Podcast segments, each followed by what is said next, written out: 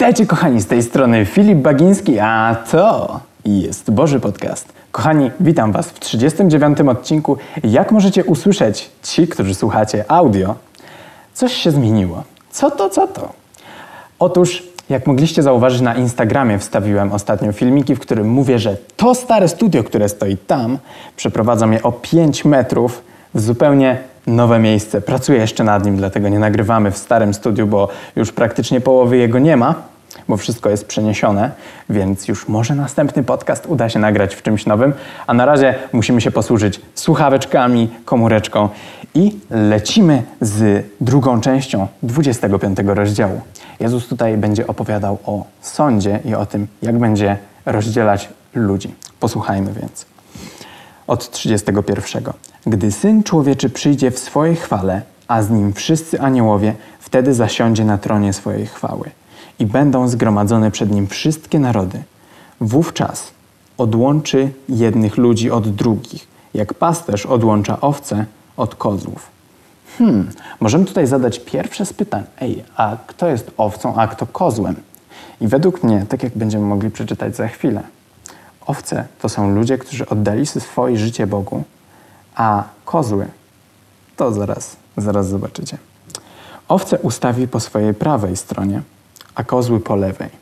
Wtedy jako król powie tym po prawej stronie, wyróżnieni przez mojego ojca, podejdźcie, odziedziczycie królestwo przygotowane wam od stworzenia świata. Słuchajcie, to jest tak cudowne miejsce od stworzenia świata. To już jest dla nas przygotowane. Niebo już jest dla nas przygotowane. Ja się nie mogę doczekać, jak tam naprawdę będzie. Bo jest tyle teorii, tyle wersetów, ale tak naprawdę nie wiemy, jak tam będzie. A wierzę, że będzie wspaniale. Życie bez żadnego bólu, bez cierpienia, bez tych wszystkich złych rzeczy, z przewspaniałym Bogiem.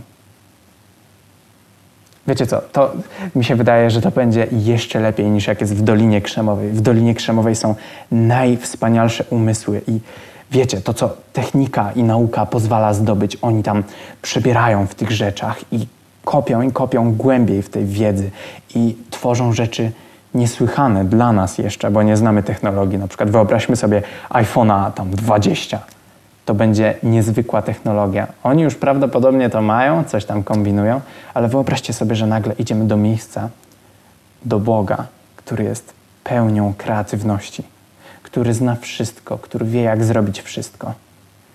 Jak wygląda niebo z Bogiem, który ma nieskończenie wiele kreatywności? Niesamowite miejsce to musi być. I dalej, bo byłem głodny a daliście mi jeść. Byłem spragniony, a daliście mi pić.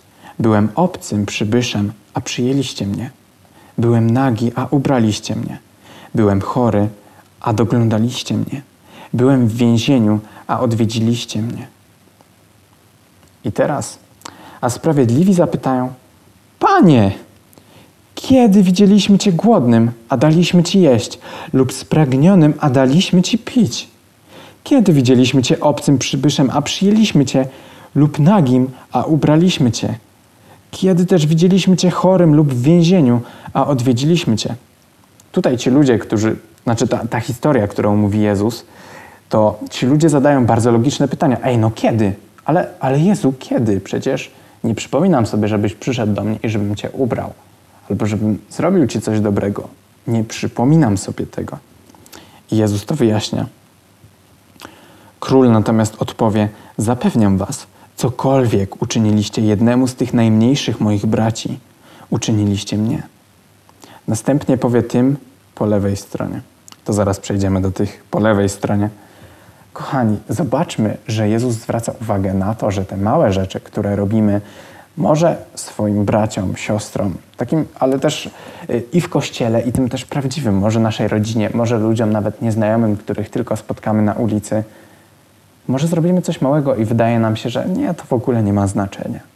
To tak naprawdę jest nic. Przecież tyle, tyle zła jest na świecie. Ja zrobiłem tylko może tyle. I to, to nic nie znaczy. To Jezus chce Ci powiedzieć, że to znaczy. I to dużo więcej niż myślisz. Dużo więcej niż myślisz. I jedziemy do tych po lewej. Następnie powie tym po lewej stronie: Odejdźcie ode mnie, przeklęci w ogień wieczny, przygotowany diabłu i jego aniołom. Gdyż byłem głodny, a nie daliście mi jeść, byłem spragniony, a nie daliście mi pić. Byłem obcym przybyszem, a nie przyjęliście mnie, nagim, a nie ubraliście mnie, chorym i w więzieniu, a nie odwiedziliście mnie. A oni zapytają: Panie, kiedy widzieliśmy Cię głodnym lub spragnionym, lub obcym przybyszem, lub nagim, lub chorym, lub w więzieniu i nie usłużyliśmy Ci? Zapewniam Was, odpowie, czego nie uczyniliście jednemu z tych najmniejszych, nie uczyniliście mnie. I odejdą ci ludzie, by ponieść wieczną karę, sprawiedliwi zaś wkroczą w życie wieczne. Bardzo mi się podoba ten fragment. On mówi nie tylko o takiej duchowej sferze, ale o takiej bardzo praktycznej, że hej, te małe rzeczy naprawdę się liczą. I w dobrą stron, stronę, i w te złe, i w tą złą stronę. Zastanówmy się nad tym przez chwilę. Czasem myślimy sobie, ale nie, to tylko taka mała rzecz, taki mały, mały grzeszek. Taki, nawet nikt tego nie widzi. Co to zmienia? Co to zmienia?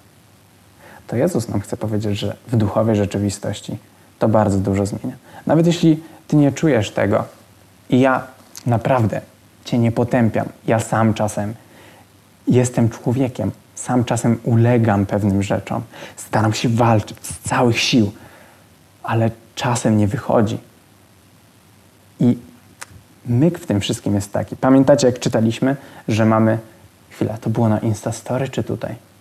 Jest taki werset, już nie, nie pamiętam gdzie, e, że Jezus Chrystus jest naszym orędownikiem w niebie, że to On, kiedy zrobimy coś złego, jest nam głupie, jest nam przykro, idziemy do Niego, bo to Jezus Chrystus usprawiedliwia nas przed Bogiem. Z tego syfu, który mogliśmy narobić. Więc jeśli czujesz, ej, moje życie nie jest może idealne, może powinienem coś w nim zmienić, to zachęcam Cię, żebyś porozmawiał po prostu z Bogiem. To nie musi być nawet jakaś konkretna modlitwa, po prostu powiedz: Boże, zawiodłem. Jezu, zawiodłem. Jeżeli możesz, to proszę Ciebie. I, I teraz właśnie porozmawiaj z Nim. Tak po prostu. Powiedz Mu, co Ci leży na sercu, co zrobiłeś źle, za co przepraszasz, za co dziękujesz. On naprawdę chce słyszeć te rzeczy. Bo nie tylko dlatego, że On chce usłyszeć te rzeczy. Te rzeczy, które mówimy, naprawdę nas zmieniają, jeśli pójdziemy dobrymi ścieżkami. Samo dziękowanie, jak wiele w nas zmienia. Jakie sektory w mózgu to odblokowuje. Od razu zaczynasz dostrzegać. To jest tak zwany efekt torowania, że jeżeli zaczniesz dostrzegać te dobre rzeczy, nawet mówiąc je, nawet Bogu dziękując za nie, to w trakcie dnia będziesz widział te dobre rzeczy. Nie będzie tak, że przejdziesz obok tych dobrych rzeczy i w ogóle ich nie zauważysz, tylko dzięki temu dziękowaniu zauważysz te rzeczy. One nadal tam będą. Pytanie, czy je zauważysz. Kochani, to wszystko na dzisiaj. Dziękuję Wam za ten odcinek. Trzymajcie się i pamiętajcie, żeby rozmawiać z Bogiem. On jest realny i można z Nim rozmawiać. Pamiętajcie o tym. Szczere serce, szczere myśli i prosto do Niego. Dziękuję Wam, kochani, trzymajcie się. Niech dobry i wspaniały Bóg Wam hojnie błogosławi. Amen.